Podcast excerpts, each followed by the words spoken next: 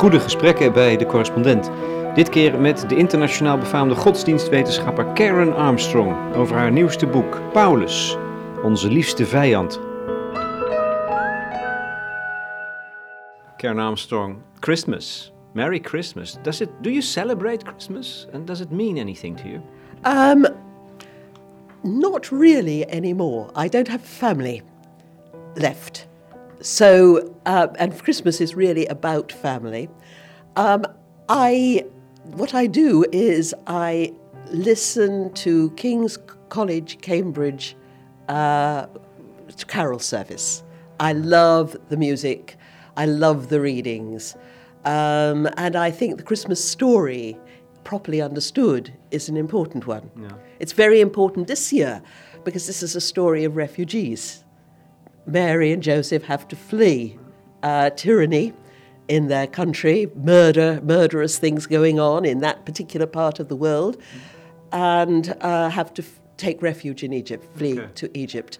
And it's about homelessness, no room at the inn.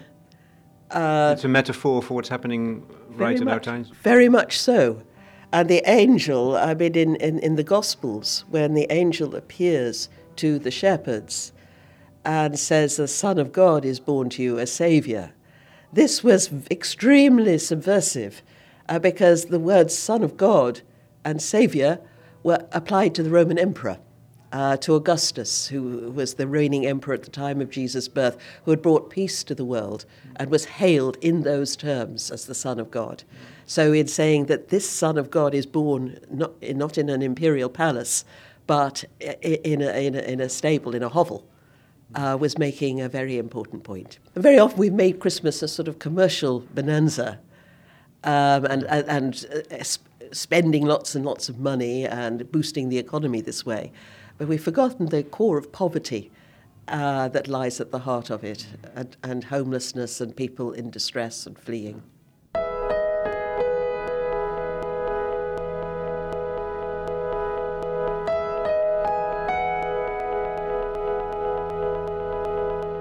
Do you feel lonely that day? Oh, no, never. I'm never lonely. No. Um, I'm very much a solitary.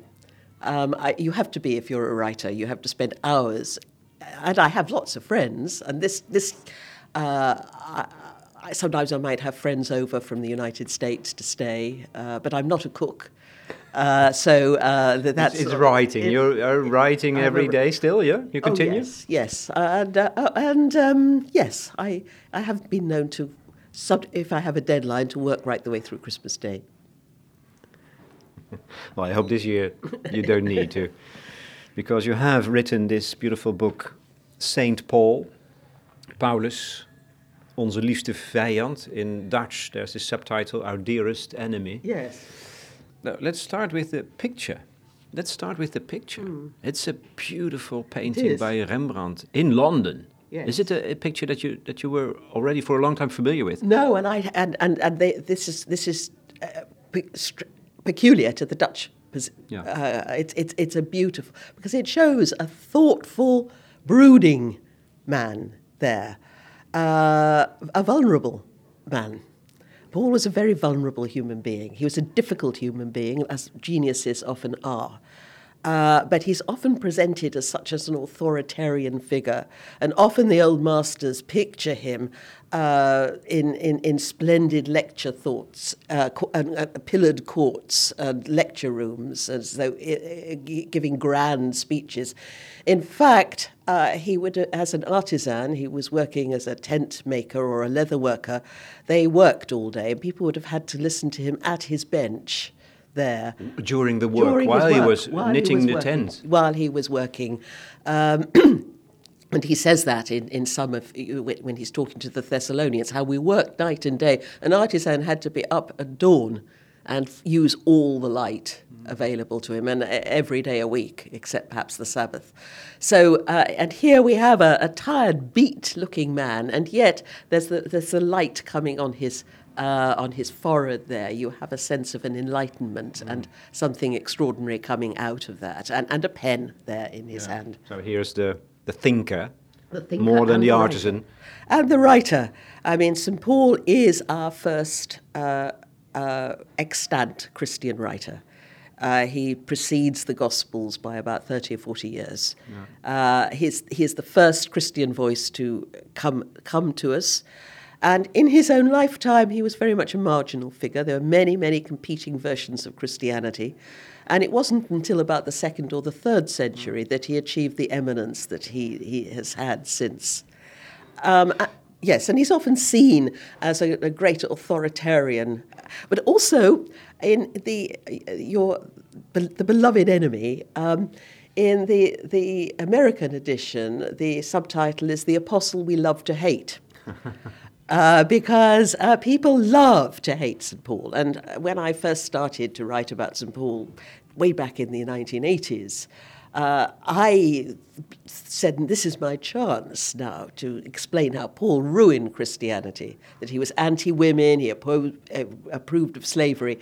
Uh, none of that is true. All those writings that seem to be misogynistic and te- putting women in their place uh, were written later and were inserted later by scribes into the, mm. into the, uh, the, the, letter. Um, and that inf- important information doesn't get to the people in the pews. Scholars have known this for years, but this is never explained to ordinary people. Whereas, if you think of the position of women, uh, in Paul's churches, there were as many women leaders as men. Um, and um, he insists. Well kept secret. It, it, and yet, if you read those parts of the epistles that nobody ever does, when he's sending greetings to people, he, there are as many women as men and they're all in prominent positions in his churches.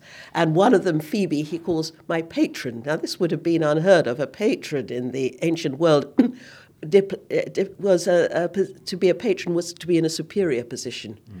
Uh, no man would have called a woman his patron, but uh, he says, uh, and uh, that, that, that, Phoebe is his patron. So there's something to correct about the image, the reputation yes. of this Saint Paul. First of all, I have the feeling that you that you're very close to him, that yeah. you some somehow even identify with him. I that was my my I, this is the second book I've written about St Paul. The first one was in 1983, at the very beginning of my career, and as I said, I thought this is my chance to nail Paul. I was making a television program uh, with Israelis, and we were go- following in his footsteps, and somehow being in the places where he was on journeys, often in difficult uh, personal situations, uh, uh, and studying. I had a New Testament advisor who was explaining to me, that, you know, that my sim- ideas about Paul were very simplistic, and uh, but I myself had just emerged from a very hard time in my life. Uh, when meaning when I left my convent, uh, I, where I spent seven years as a young woman, for about 10 years I was extremely ill. I w- was depressed, uh, suicidal, uh, anorexic.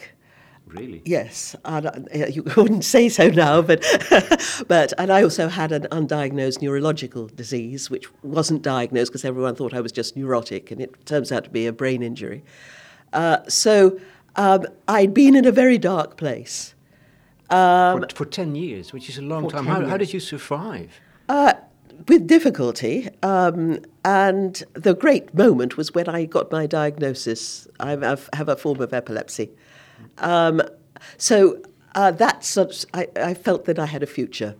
And then things started to go right. I mean, here I was suddenly on TV, having been failing at everything I'd done. I, everything I did in my life up until that point, 1983, when I was coming up to 40 years old, had been a complete and abject failure.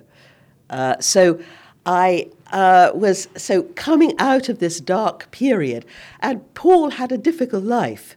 We we from his letters we only have snatches of how he's been shipwrecked several times uh, he'd been beaten scourged in the synagogue several times uh, uh, on the run he often mentions having been thrown out of town and has a, a very miserable end i think once he was arrested by the romans he simply disappeared mm. as people do uh, if they interfere with a very powerful regime in a prison. If you went into Saddam Hussein's prison or a Soviet prison, you were never heard of again.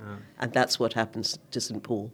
And I often wonder uh, what he would have felt in those last days when none of his hopes seemed to have come to fruition. He thought that uh, Jesus would return in his own lifetime and inaugurate the kingdom of God on earth, uh, where rich and poor would sit together at the same table.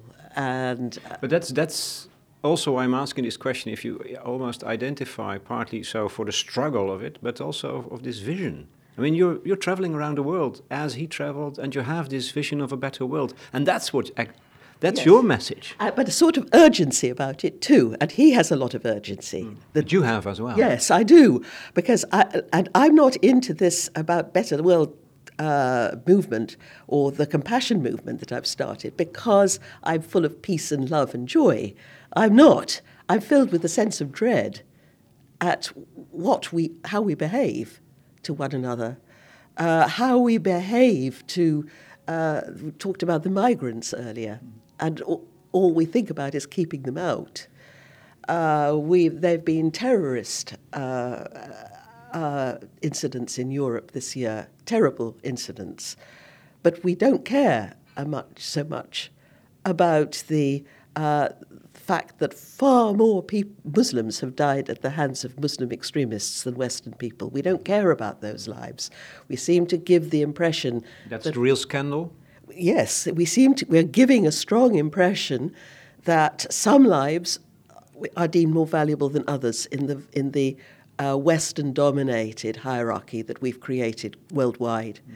I was in Jordan at the beginning of this year, just after the first attacks in Paris, and everyone was very shocked. But I had a closed um, meeting with politicians, statesmen, members of the royal family, and the diplomatic community in, in Amman.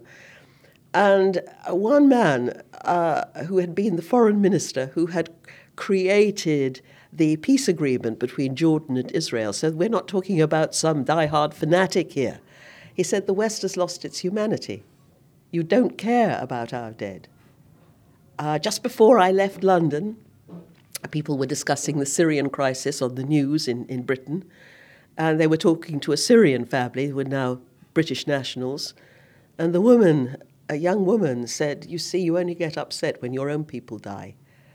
Uh, I, the golden rule, never treat others as you would not like to be treated yourself, has been uh, enunciated by every single major world faith and said it is the essence of spirituality, the test of true religion, the test of true morality. Mm.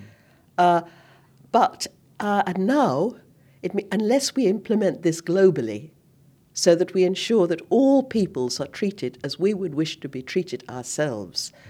We're not going to have a viable world. And one, the, when I was writing this book, uh, from start to finish in his writings, he is stressing equality. Equality. Uh, in Christ, he tells the Galatians, you came, you came out of the baptismal waters with the baptismal cry, no more Jew or Greek, no more slave or free, no more male or female. All those man made divisions have gone. Um, and uh, right up to the, his last moments, uh, where he's writing to the Romans, it's again, it's about equality. No, stop thinking that you are in a special, superior position.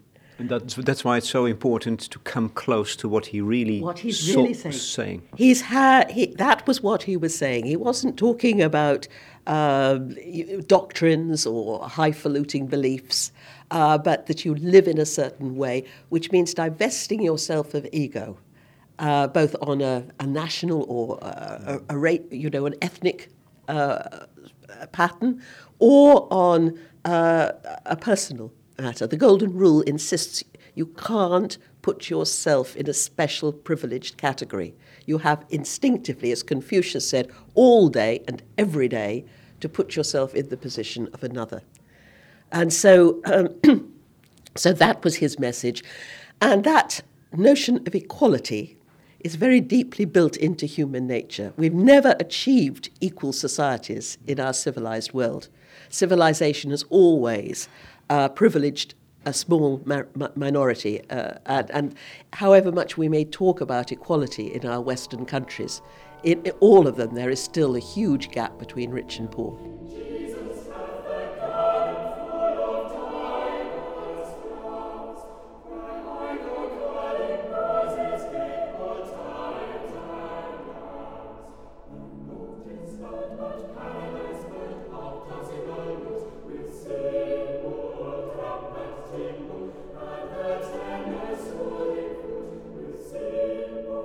Voor wie vertrouwd is met de Bijbel en de kerk is dit de wereld op zijn kop. Paulus, de man die aan de wieg stond van het christendom, letterlijk, de eerste christelijke auteur die we kennen is hij. Hij schreef zijn brieven voordat het evangelie werd genoteerd. Deze Paulus wordt het liefst afgeschilderd als een nare man, autoritair, dogmatisch, vrouwenhater, slavenhouder.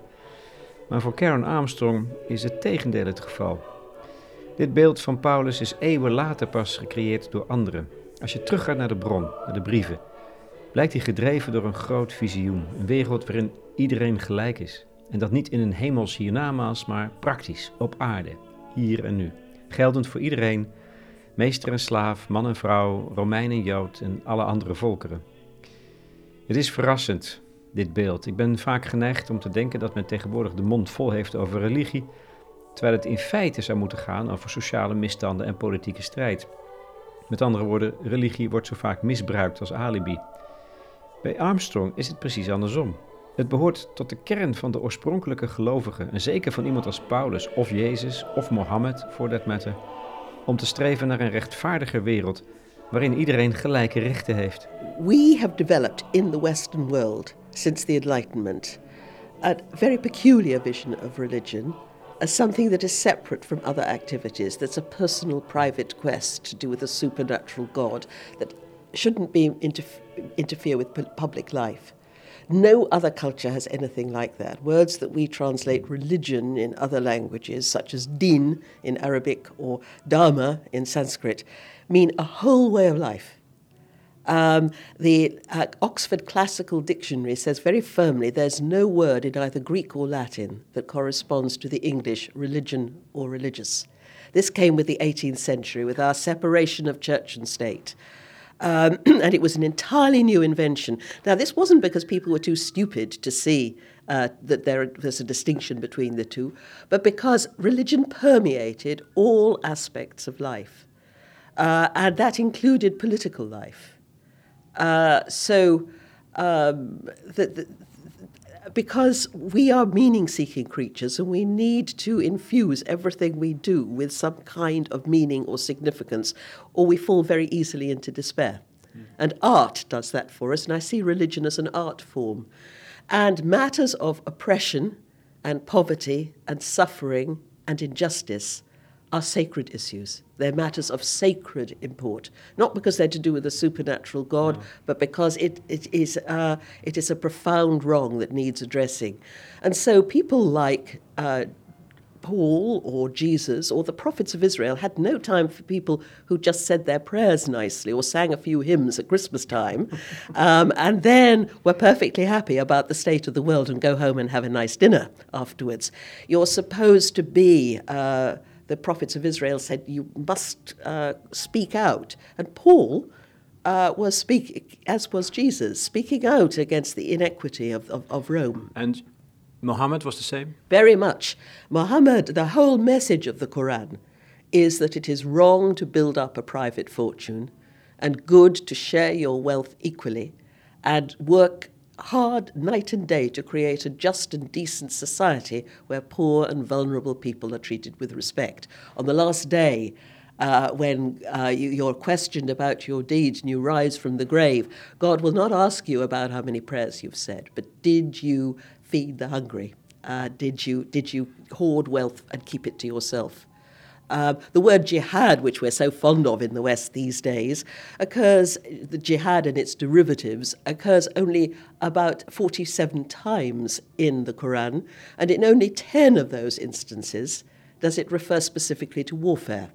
The word means struggle, effort, and sometimes it's a struggle to give food to somebody when you haven't got much yourself. That is a jihad the whole idea that Islam is all about fighting or is, is just a, a, an absurdity. This is an example of, but it's also uh, come about for various political reasons. Secularism, which we in the Western countries were allowed to develop in our own time and according to our own dynamic, inner dynamic as a, as a society, uh, was, uh, was something liberating for us though it was often very cruel.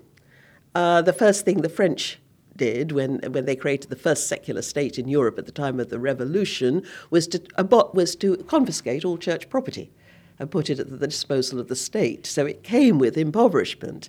Um, and then, of course, they had their reign of terror when they uh, uh, beheaded publicly 17,000 men, women, and children. What, um, what we call enlightenment. Enlightenment, uh, you know, makes IS positive, look positively feeble by comparison. Mm. Now, in the Muslim world, secularism has uh, had to be imposed yesterday. It was rapid. It had to be rapid. And it was often done very violently because often these rulers wanted their modernizing rulers wanted their countries to look modern even though most of the people had no understanding of these new Western institutions at all. The Shahs used to have their police go out with their bayonets, taking off women's veils in front of them and ripping them to pieces. In 1935, the Shah ordered the police to fire on hundreds of unarmed demonstrators in one of the holiest shrines of Iran who were peacefully protesting against obligatory Western clothes. And uh, hundreds of Iranians died that day. The Muslim Brotherhood was radicalized when Nasser uh, threw them all into jail for 15 years, often without trial, and for doing nothing more incriminating than handing out a few leaflets. And in these vile prisons, radical ideas came. Where uh, I made a study once of uh, what we call fundamentalism in Judaism, Christianity, and Islam, and in every one, uh, religion, it, this defensive, aggressive form of faith, comes about when uh, it, with, with what is perceived to be an assault by the secularist or liberal establishment. And um, we've been in the West, at least in Britain, extremely supportive of Saudi Arabia. Uh, even though its human rights record is dismal, uh, for obvious reasons, oil. Um, and uh, the, the Saudis, with, for the last 30 years, have exported their very peculiar 18th century form of Islam all over the Western world. It's as though a small sect in um, the Bible Belt of America had petrodollars that could, and, and, and international global support to export their peculiar form of Christianity, and they would transform it. This has done immeasurable damage. But, so, secularism being a very aggressive in, instead yes. of the Islam or. or uh, uh, well, look, uh, if we think terrorism as something that, uh, as it's hard to define terrorism, but uh, if you see it as the killing of innocent civilians, by far the biggest killer of civilians has always been the national secular state. Uh, in 19, the First World War, um, only 5% of the people who died were civilians. That figure shot up to 66.5% in World War II, when the Allies deliberately targeted residential areas in Japan and Germany and created firestorms that incinerated the population. Um, and in the wars in Afghanistan and Iraq, 90% of the people who've died are, have been civilians, and we never mention these people. Um, so, we, and, the, and people often say to me, well, religion's been the cause of all the major wars in history. And yet, the first, the two world wars were not fought for religion, but for secular nationalism.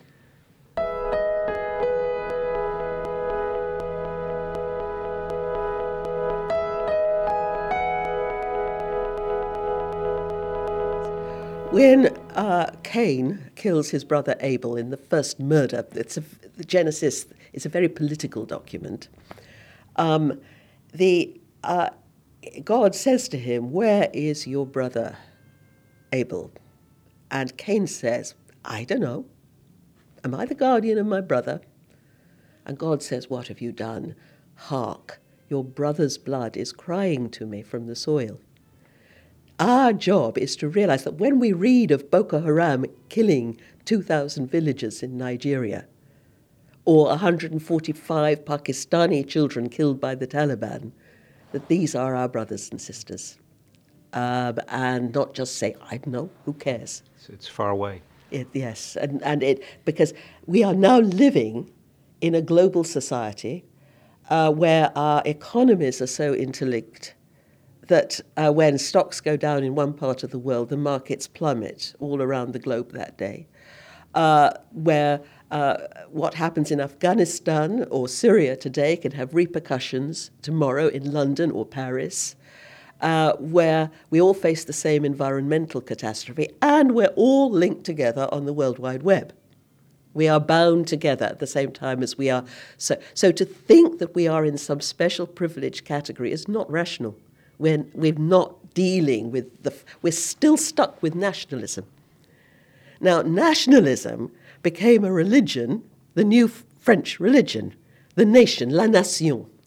And if you think that the sacred is something for which you're prepared to die because it is so irrevocably important to you, uh, then in some sense the nation has replaced God because it's no longer respectable now to die for your religion, but admirable to die for your country. And, you know, uh, the, the, after the Paris disaster in uh, November, everyone was singing the Marseillaise. Uh, I, I was uh, and, and, feeling even the British Prime Minister was singing it and feeling a, a surge of warmth. The, the nation, the nation, one of the native, one of the great problems of uh, the the nation, and this was pointed out by the uh, the um, British historian Lord Acton in the late 19th century, when the nation state was just beginning. He said that the stress in a nation state on ethnicity culture, and language would mean that any citizens who did not fit the national profile uh, would find themselves at a vulnerable. In some cases, he said, with horrible prescience, they could either be enslaved or exterminated. And it wasn't long until after the, uh, a few de- couple of decades later, the atheistic young Turks massacred over a million Armenians to create a purely Turkic state. The Holocaust is another example. Uh, unwillingness to deal with ethnic minorities has been the Achilles heel of the nation state.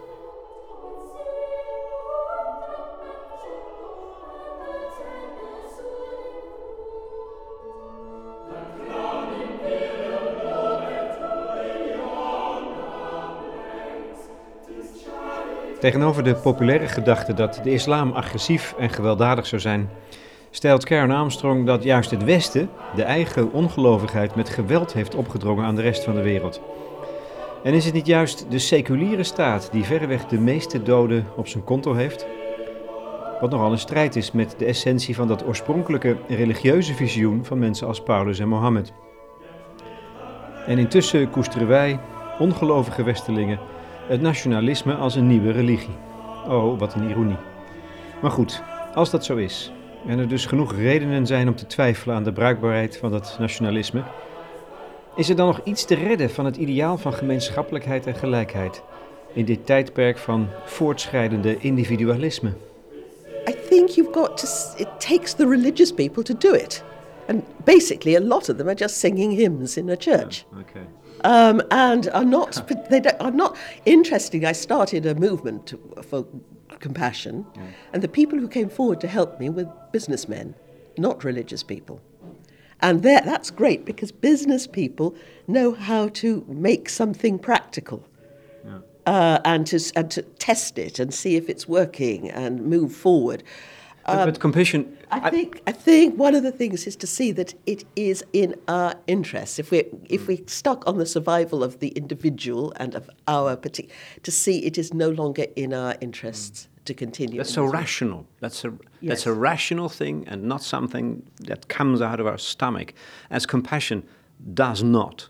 Uh, but sometimes I think we need to see suffering around the globe a bit more and because there is in in our brains there is a tendency to weep when we see even an animal hurt. Uh, uh, a Chinese sage who said that it, if some if a man is walking along the street and he sees a child, this is way back third century BC, uh, it's, he sees a child standing on the brink of a well about to fall in. He immediately lunges forward to save that child. He doesn't think, well, is this wise? Do I know the parents? Will this improve my... He just, there's with something very wrong with that human being, a miss, that just walked past and said, what a pity. Mm. We have that. And I think that our re- religious leaders, certainly, but political leaders too, uh, instead of concentrating on national productivity, na- national jobs, uh, national well being, for the sake of the survival of the nation as we know it, should start helping us to see the heartbreaking scenarios that uh, are going on in other parts of the world. That, uh, and in a sense, we do see this on our TV screens, you know, in a way that no other nation was before. We hear, see immediately what's going on uh, in Africa. We see pictures that are disturbing. We don't see as much images of Muslim suffering as we, they do in the Middle East. Uh, I've watched some of the propaganda videos for, uh, for extremists and they're all piles of dead bodies here, uh, houses being bulldozed every day in Palestine. Um, and uh, people being shot down by Israeli soldiers, kids in, uh, you know, and uh, the um, surveys have been done that shows that one of the biggest uh, uh, motives for impelling people to join jihadi movements uh, one of them has been a sense that they're not valued in their own home communities in Holland or Britain, uh, that they're despised by the, and, and, and get a vision of belonging to a community of like minded souls. And instead of being powerless and despised in uh, their own countries, they could be strong jihadis. The other has been the spectacle of Muslim suffering in other parts of the world and the desire to help their Muslim brothers and sisters. Um, and when we went into Iraq, we British and Americans, we just sent more images of Muslim suffering in Abu Ghraib and Guantanamo Bay. And this should keep us awake at night. Um, I think we should try and use these, whatever our beliefs, as a, these images we have of pain or the images of these migrants who come to the shores of Europe saying, Now I am a free man, and agree to, slammed into some camp. And they are saying, This is Europe? We should, these should, we should let these images stay in our heart and trouble us. Uh, I think what religious leaders are doing, uh, p- people like Paul were doing, Jesus, were trying to make us feel a discomfort that sense of discomfort which drives us to action instead of insulating ourselves from this and saying that nothing is happening to us. Christmas again, uh, the, the, the, homeless baby born because there's of economic uh, uh, de- deprivation and being a stranger in, in town and then being forced to flee because of uh, imperial and, and, and, national cruelty. Uh, that this it, this should, should disturb us, and we should ignite, and, and political leaders, moral leaders, teachers in schools, parents of families uh, should be saying to their children, Look at this and weep. How would you feel if this was happening to you?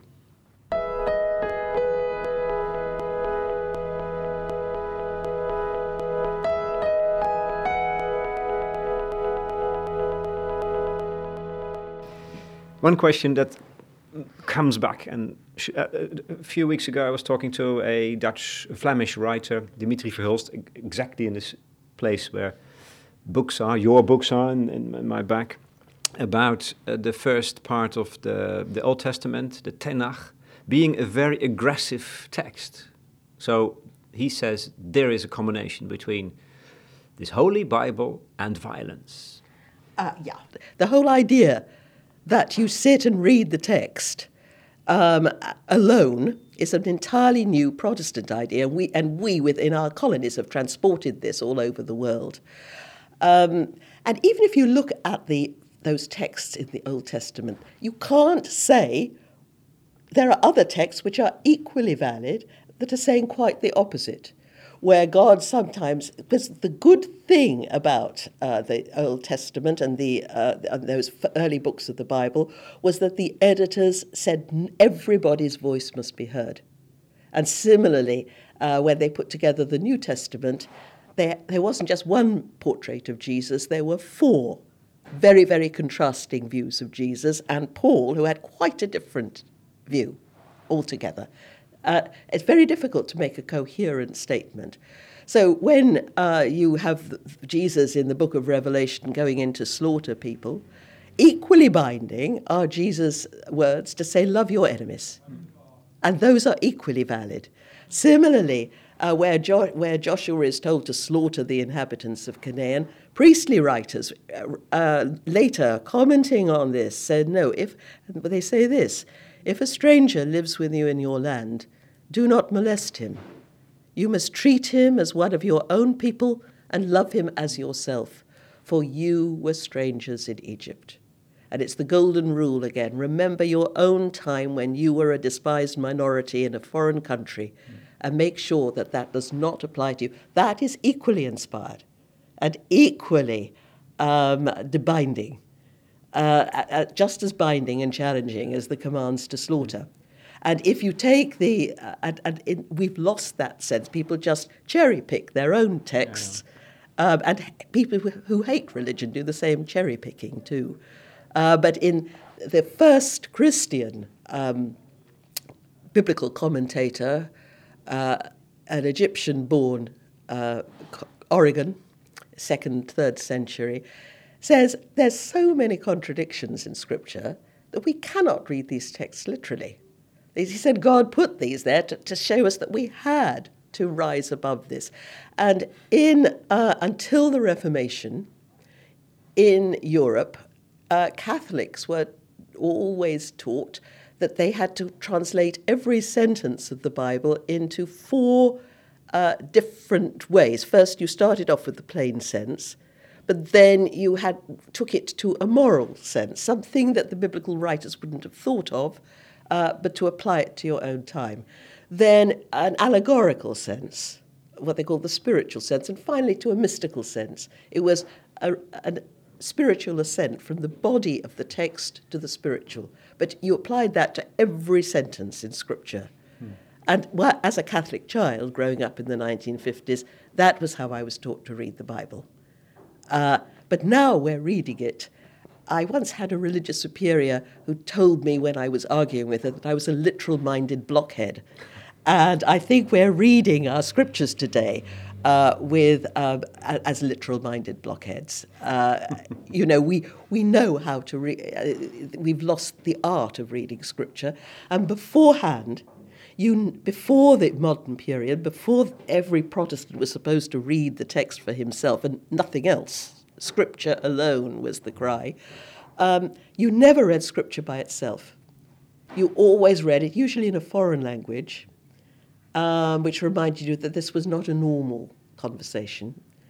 Um, in the context of liturgy, which had ritual and uh, different connotations.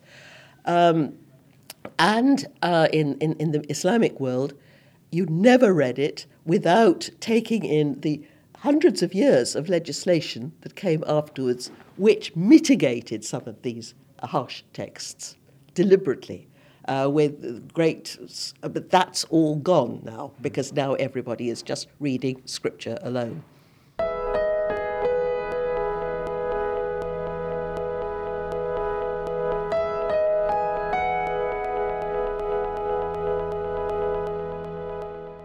You told me about this dark period in your life. After leaving the monastery, then you find your way back again. Um, there was no God in that period of your life, no, I. I, I, I thought I'd finished with religion. I hated religion. Mm. And, and I, when I wrote my first book on St. Paul, I still hated religion. Yeah. Um, and uh, that changed uh, when my television career collapsed six years after I wrote St. Paul.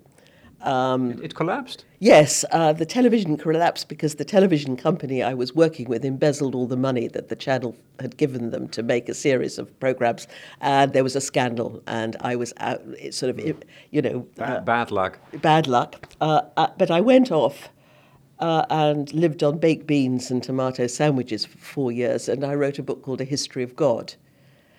And I had expected that book to follow in the footsteps of its predecessors.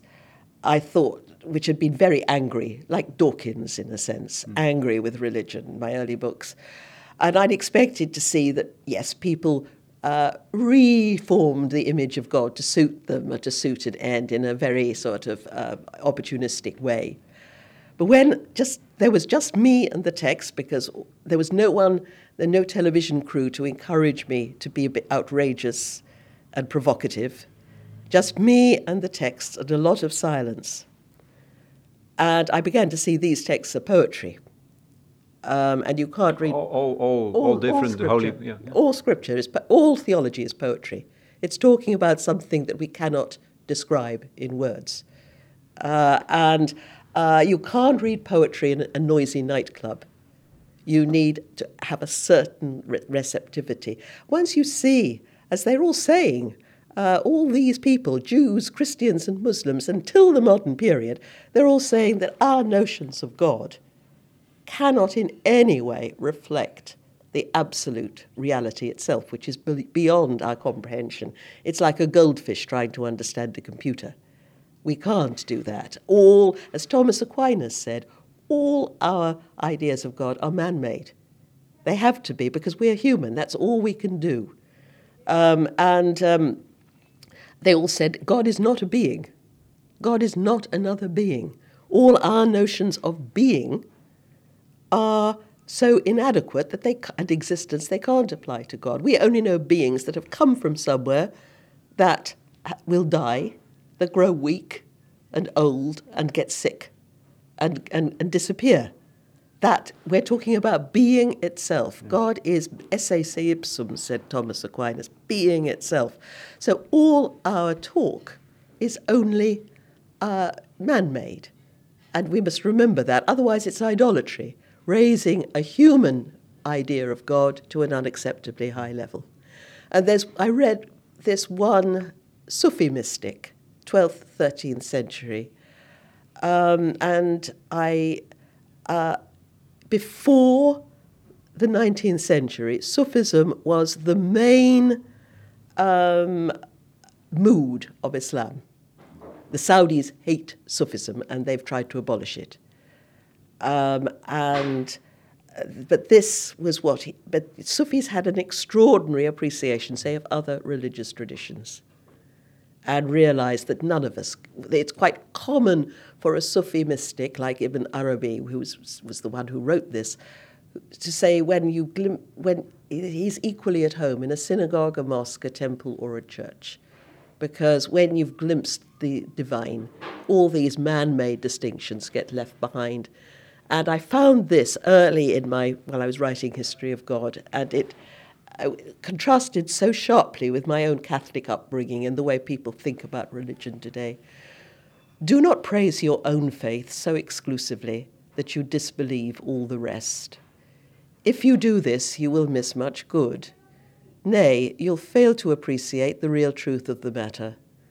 God, the omnipresent and omniscient, cannot be confined to any one creed. For he says in the Quran, Wheresoever ye turn, there is the face of Allah. Everybody praises what he knows. His God is his own creature, and in praising it, he praises himself. Consequently, he blames the beliefs of others, which he would not do if he were just, but his dislike is based on ignorance. Well, there's an answer. Well, to my question that I was going to ask you, what does God mean to you? you cannot say. No, of course. Um, and uh, God is not my friend, and I, I never talk to God. Uh, I can't because God knows what I'm saying already. Hmm. It would never occur to me to pray to, pray to God to, to cure me if I had cancer, because why should he cure me when he let 6,000 Jews go into the gas? You can't think about God in these terrible terms. Um, uh, for me, uh, my prayer is my study. And when I'm sitting at my desk, I'll get moments of transcendence and wonder. And a rabbi once said to me, You're very Jewish. He said, You should be a rabbi because we don't talk to God either. But when you study Torah and Talmud, mm. you get a sense of awe. Everything that I studied, whatever I was writing, whether it was history of God or history of fundamentalism, a history of Jerusalem, I kept being brought back to the issue of compassion, the golden rule. They all say this, whatever. Um, and it, you, you're pushed back, as the Buddha says, after enlightenment, you must return to the marketplace and there practice compassion for all living beings. And that's uh, it, the, the whole idea of hugging a little spiritual experience to yourself uh, is, is just a perversion of the whole, the whole point. There is last, very last question. um, there is this reading your beautiful portrait of uh, Saint Paul, our dearest enemy. I get this sense of tragic, mm.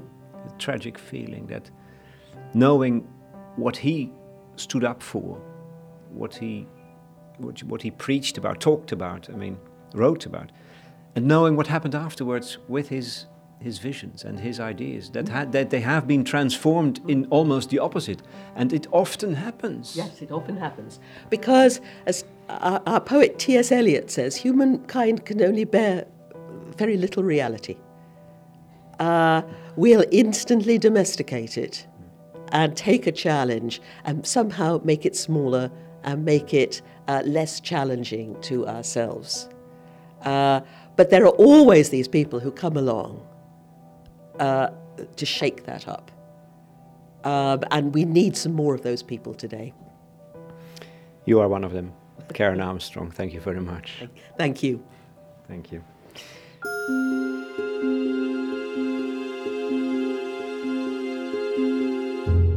Karen Armstrong in gesprek met Lex Bolmeijer voor de correspondent over haar laatste boek Paulus, onze liefste vijand.